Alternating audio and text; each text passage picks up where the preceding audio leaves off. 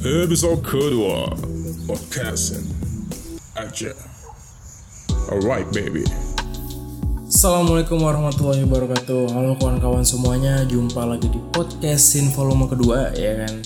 Yang kemarin kita udah ngobrol bareng Tentang usahanya si Afan Arisga ya kan? Usaha minuman pinggir jalan omset ratusan juta Nah kali ini di volume kedua Saya ngundang salah satu Pengusaha muda dari Semarang Usaha di bidang fotografi dan videografi Dan dia murni hidup dari sana teman-teman. Untuk menghidupi gaya hidupnya dan segala macam murni dari sana. Nah mungkin dari teman-teman yang di industri fotografi atau videografi mau belajar segala macam bisa dengerin podcast kita tetap. Siapa tahu banyak hal-hal bermanfaat yang kalian bisa dapatkan. Oke nih langsung aja Mas Harul. Gimana kabarnya Mas Harul? Halo, baik-baik. oh yes. baik ya. Di Semarang lagi banyak job apa nih Mas Harul sekarang? Uh, foto sih, foto. Foto Wedding dan studio. wedding dan studio ya nah usaha fotografi dan videografi ini udah berapa lama Mas Harul Kurang lebih masuk ini masuk tahun kelima. tahun kelima buset udah aja bilang lama juga ya bang kayak gitu ya Ya lumayan. tahun kelima berarti itu dulu start umur berapa Mas Sarul? Keset bisnisnya. Mm Uh, kuliah. sabit nih sabit. Kuliah, awal kuliah. awal kuliah Semester 2 3 lah. Eh 3 semester 3. Semester tiga ya kenapa tuh milihnya kok di bidang fotografi atau videografi dan segala macam Uh, karena memang itu apa? Hobi. Dari Hobi. hobi. sih ya, dari hobi. Memang saya suka foto sama ngedit dari SMP. Nah, SMP. SMP kalau hitungan lima tahun weh gila udah cukup lama ya berarti ya udah bukan abal-abal lagi gitu ya kemarin katanya terakhir sampai ke Kuala Lumpur ya Oh, iya. segala macam Ya itu foto event tour. foto event tour and travel gila jauh juga nih nah itu kok bisa sampai sana tuh apa yang bangun kok sampai orang mau undang ke Kuala Lumpur untuk moto terus semuanya Nah tuh sebenarnya itu juga seleksi kan. Jadi ada tiga fotografer sih yang mau dipilih buat eh, ngefoto event di sana. Jadi memang itu agensi tour baru dia masih milih buat dokumentasi event di sana untuk keperluan promosi dia juga. Dan yang dilihat kan memang feed dari Instagramnya kan.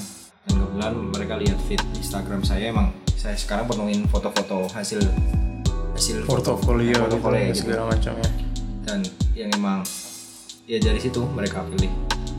Itu kan awalnya cuma dari hobi tuh. Hmm. kan banyak banget kalau kita ngomong secara fakta banyak orang yang punya hobi tapi ujung-ujungnya nggak bisa jadi duit juga nggak bisa jadi bisnis juga kayak gitu. Hmm. banyak orang yang hobi moto ya ujung-ujungnya kerjaannya lain nggak moto juga. Nah kok bisa gitu? Hmm. akhirnya mutusin dari hobi ini ya gue cari hidup dari sini lah gue bisnis dari sini lah. Tuh momen apa yang bisa mutusin ambil keputusan kayak gitu? Nah sebenarnya itu dulu dari teman saya sih ya karena emang saya hobi foto. Cuma untuk pricing pun saya juga masih agak belum paham. Nah dari situ ada teman salah satu teman saya eh, ngetek jadi kayak ngetek kayak seminar fotografi tapi di bidang komersial dan itu eh, ikut seminar itu selama tiga hari kebetulan itu tempatnya di Jogja juga Nah, itu itu nggak dikasih press sih. Awal cuma brosur aja sama di Instagram kan itu. Cuma pamflet sama hasil-hasil foto dia di situ. Cuma follower udah banyak, udah 30 kanan kayak gitu kan. Hmm. Saya telepon. Ya, saya agak kaget sih dengan uh, pricingnya dengan harganya. Dua hari seminar itu ya 6 juta. wah dengan momen waktu itu belum sama sekali terjun di bisnis fotografi baru Sudah, sekedar uh, hobi ya Oh iya, baru hobi cuma udah terjun cuma untuk pricing saya masih buruk kayak gitu. Oh gitu, jadi maksudnya masih ya suka-suka aja gitu ya. Iya, gue aja ah. belum tahu industrinya Iya, seperti belum apa tahu, gitu belum ya. tahu, belum tahu. Terus waktu tahu 6 juta langsung. Kaget sebenarnya. Kaget. cuma sana sana memang pintar kan jadi kayak dikasih penawaran eh, boleh kasih empat setengah. Cuma eh, dengan syarat pembayaran lunas di depan dan malam ini juga kayak gitu. Hmm, saya mikir-mikir saya masih tanya ke sana ke sini ke teman saya yang udah berpengalaman kayak ini, ini gimana sih eh, apa prospek gak kayak gitu ke depan. Ada yang apa dan rata-rata yang saya minta pendapat yaudah itu investasi buat kamu kayak itu juga eh, itu buat belajar marketing buat ngejual foto yang baik yang benar kayak gitu nah dari situ saya deal kebetulan emang saya dulu habis dapat job yang uh, harganya apa uangnya tuh buat bayar itu pas gitu loh jadi Oh, Oke, berarti memang momennya tepat juga tepat. ya. dan itu emang uang saya habis di situ Langsung habis. Iya. Langsung habis tapi Cuma- jadi investasi ya di ilmu. Iya, cuma emang setelah itu Seperti ya setelah ikut itu selama dua hari itu emang saya belajar marketing dimentorin juga dan kebetulan emang si uh, mentoringnya tuh suka dengan hasil hasil foto saya udah beberapa kali di post di Instagram sehingga uh, follower dari Sabit itu naik Oh jadi kayak ibaratnya endorse gitu lah secara nggak langsung yang nge-repost, aja langsung iya. foto gitu iya ya. benar itu dari follower 200 jadi seribuan Tuh teman-teman, jadi sebenarnya penting banget untuk investasi di ilmu teman-teman. Saya sendiri percaya gitu, kalau kita investasi di otak gitu ya, makin gede ilmu kita, pemasukan kita makin gede. Jadi pemasukan besar itu sesuai dengan ilmu dan pengalaman kita punya teman-teman. Jadi jangan takut untuk investasi. Kadang aja ini nih mau ikut workshop sejuta aja udah mikir takut gitu ya kayak padahal tuh worth it banget ilmunya gitu gitu ya. itu tuh dari saya omset 20 juta per tahun itu tembus tahun kemarin 2012 sampai 18 itu tembus 350 jutaan Buset tuh, dari 20 juta per tahun sampai 350 juta per tahun selisihnya jauh banget gitu loh. iya Cuman ngeluarin 6 juta kayak gitu untuk ngajar wah itu pasti worth it banget gitu.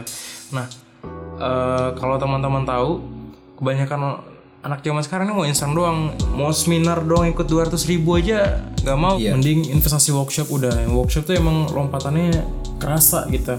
Kalian dapat mentor, dapat network network yang ber- berkualitas ya kan, segala macam. Jadi jangan pelit untuk upgrade ilmu kalian untuk mau bertumbuh ya. Kalian kalau mau numbuhin penghasilan ya ilmu kalian juga harus tumbuh kayak gitu. Oke sabit ini kan udah lima tahun mas. Pasti banyak banget dong suka cita dalam bisnisnya segala macam ya kan ya? Iya. Apa nih kira-kira nih? Yang paling momen paling terberat waktu jalanin bisnis itu apa kira-kira? Momen paling terberat. Oh pernah down atau apa atau jenisnya atau apa lagi? Oh pernah pernah. Jadi kayak dulu sempat belum baik ya marketingnya. Jadi sebulan tuh nggak ada penghasilan. Sebulan gak ada penghasilan. Iya pernah itu pernah. Terus pernah juga dibayar foto cuma 200 ribu. Dibayar foto, foto- event- foto apa? 200 ribu ya? Ya engagement yang memang harusnya harganya di atas itu.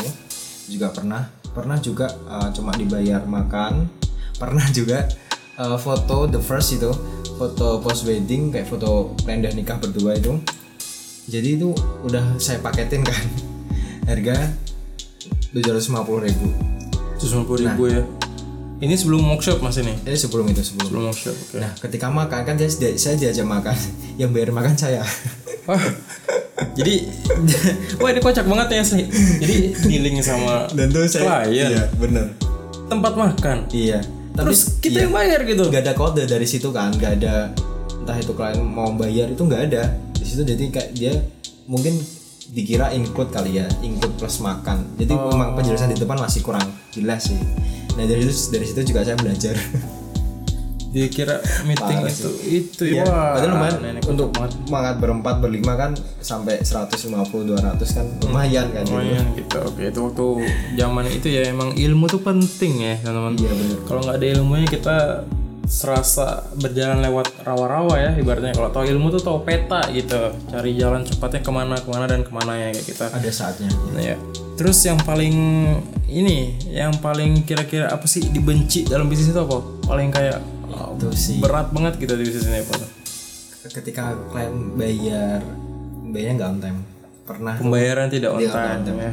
Uh, udah kita udah perjanjian misalnya DP di depan 20 per- uh, sampai 80 persen terus yang terakhir tuh sampai ada yang apa nggak nggak belum dibayar sampai tiga bulan kayak gitu Buset ya tiga bulan. Terus tuh gimana tuh ngatur cash flow atau gaji tim-tim yang ada ya gitu selama di Bulan kan emang kita di depan sampai 80 persen deh dan itu udah udah nutup sih sebenarnya cuma kita tinggal mengambil keuntungan di 20 persen terakhir kayak gitu Ya tapi sama aja pak kayak keuntungan yang nggak ada kayak gitu. Itu gimana tuh? nah Nyiasatin kayak gitu. itu diputerin pakai uang yang lain. Jadi kita nutup dulu pakai itu baru baru ketika kalian bayar kita baru nutup. Kayak gitu. Pernah ada klien yang sampai nggak bayar sama sekali gitu? Lunasannya. selama ini belum pernah sih. Selama ini? jangan sampai. Jangan sampai mungkin bener, ya, terlambat sampai yang sampai bulanan itu sih yang agak parah. Yang jelas harus dikunci semua risiko-risiko yang ada ya pak ya. Jangan sampai kulang lagi ya. Kalau kulang dua tiga kali sama kayak keledai kita. Eh, harusnya bisnis kita nggak boleh keulang dengan kesalahan yang sama ya benar-benar kesalahan tuh boleh dalam bisnis kawan-kawan kalau kawan-kawan boleh tahu. Dan itu bagus makin banyak kesalahan yang kalian buat berarti makin banyak tahu arah yang kalian tuju itu benar yang mana kayak kita. Tapi kalau melakukan hal yang salah dengan kesalahan yang sama berkali-kali itu namanya keledai gitu. Jadi boleh banyak salah tapi kalau boleh salahnya beda-beda. Jadi kalian lebih banyak belajar gitu. Itu penting banget teman-teman. Oke terus ini Mas Arul balik lagi ke topik. Kira-kira apa sih tujuannya kalau misalnya udah gede bisnisnya. Terus sabit udah gede mau ngapain lagi misalnya? Mau apa tujuan akhir? Kenapa mau mati-matian di sabit kayak kita ya itu buat apa? Eh, secara finansial sih sebenarnya. Buat ngembangin apa ya? Kualitas hidup juga. Kualitas hidup ya pasti segala macamnya. Apa nih kira-kira visi buat sabit ke depan ini? Pemandangan sabit mungkin beberapa tahun lagi seperti apa nih menurut Mas ya bisa diterima pasar internasional nasional dan internasional. Nasional dan internasional. Tepatnya kalau yang untuk wedding kita juga mau target 2019-2020 itu uh, wedding Malaysia. Mau merambah pasar Malaysia. Oke, terus nih teman-teman. Dari tadi kita ngomongin udah bagus-bagusnya fighting dalam bisnis segala macam. Sekarang saya tuh lebih suka kalau ngobrol sama orang tuh apa adanya ya. Pasti setiap hal baik selalu ada hal buruknya gitu.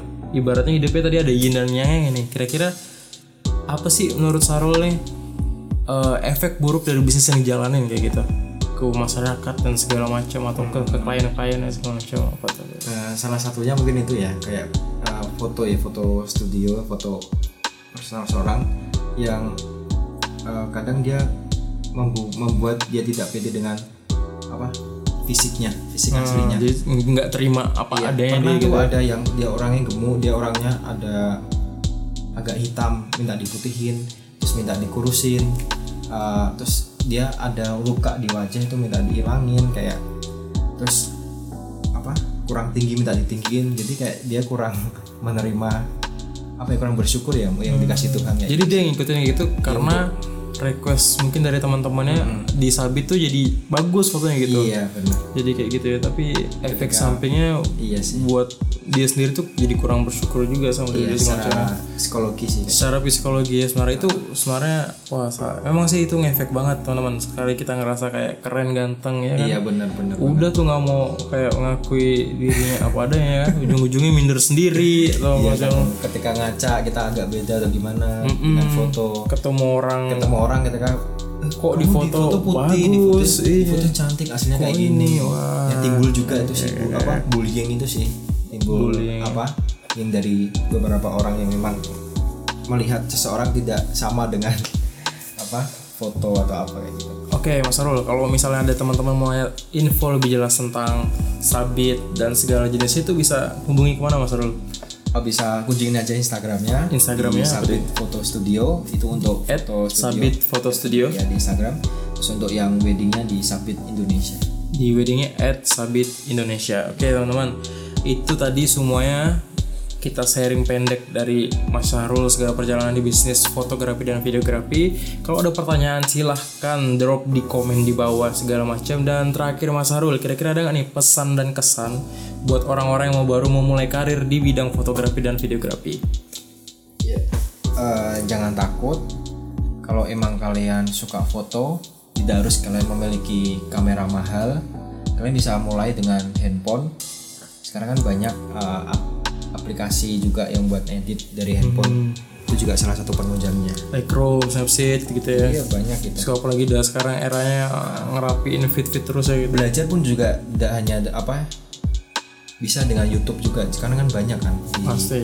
apa YouTube. Itu tuh udah channel-channel tentang edit tentang foto. Itu juga saya juga sebenarnya belajarnya juga dari YouTube juga beberapa. Terus apa ketika kalian mau terjun dunia profesional kalian cari mentor dan uh, cari mentor yang tepat sama belajar untuk ngejual. Gimana uh, semua orang tuh bisa foto. betul, betul, cuma nggak semua orang bisa, bisa, jual ngejualnya benar sekali teman-teman jadi sebenarnya basically ilmu marketing itu dibutuhkan oleh siapa saja ya sebenarnya. Iya, benar. nggak cuma entrepreneur. Termasuk kalau kalian tuh pekerja atau karyawan juga tuh penting banget. Jadi ibaratnya gimana kalian bisa ngejual eh, profesionalitas kalian ke bos kalian biar naik jabatan lebih cepat ya kan? Atau gimana cara ngejual produk yang kalian harus jual di kantor secara lebih cepat itu penting banget. Jadi wah anything you need to do you must to do eh, menurut saya di dunia ini adalah belajar ilmu tentang marketing. Entah kamu berkarir di bidang apa pun itu penting kayak gitu. Oke kawan-kawan mungkin segitu sharing kali ini. Terima kasih Mas Harul udah main-main ke Jogja. Kapan-kapan main lagi kita ngobrol-ngobrol lagi silahkan kawan-kawan drop komen ya kalau ada pertanyaan segala macam. Sampai jumpa di podcast ini aja di volume ketiga. Bye bye see you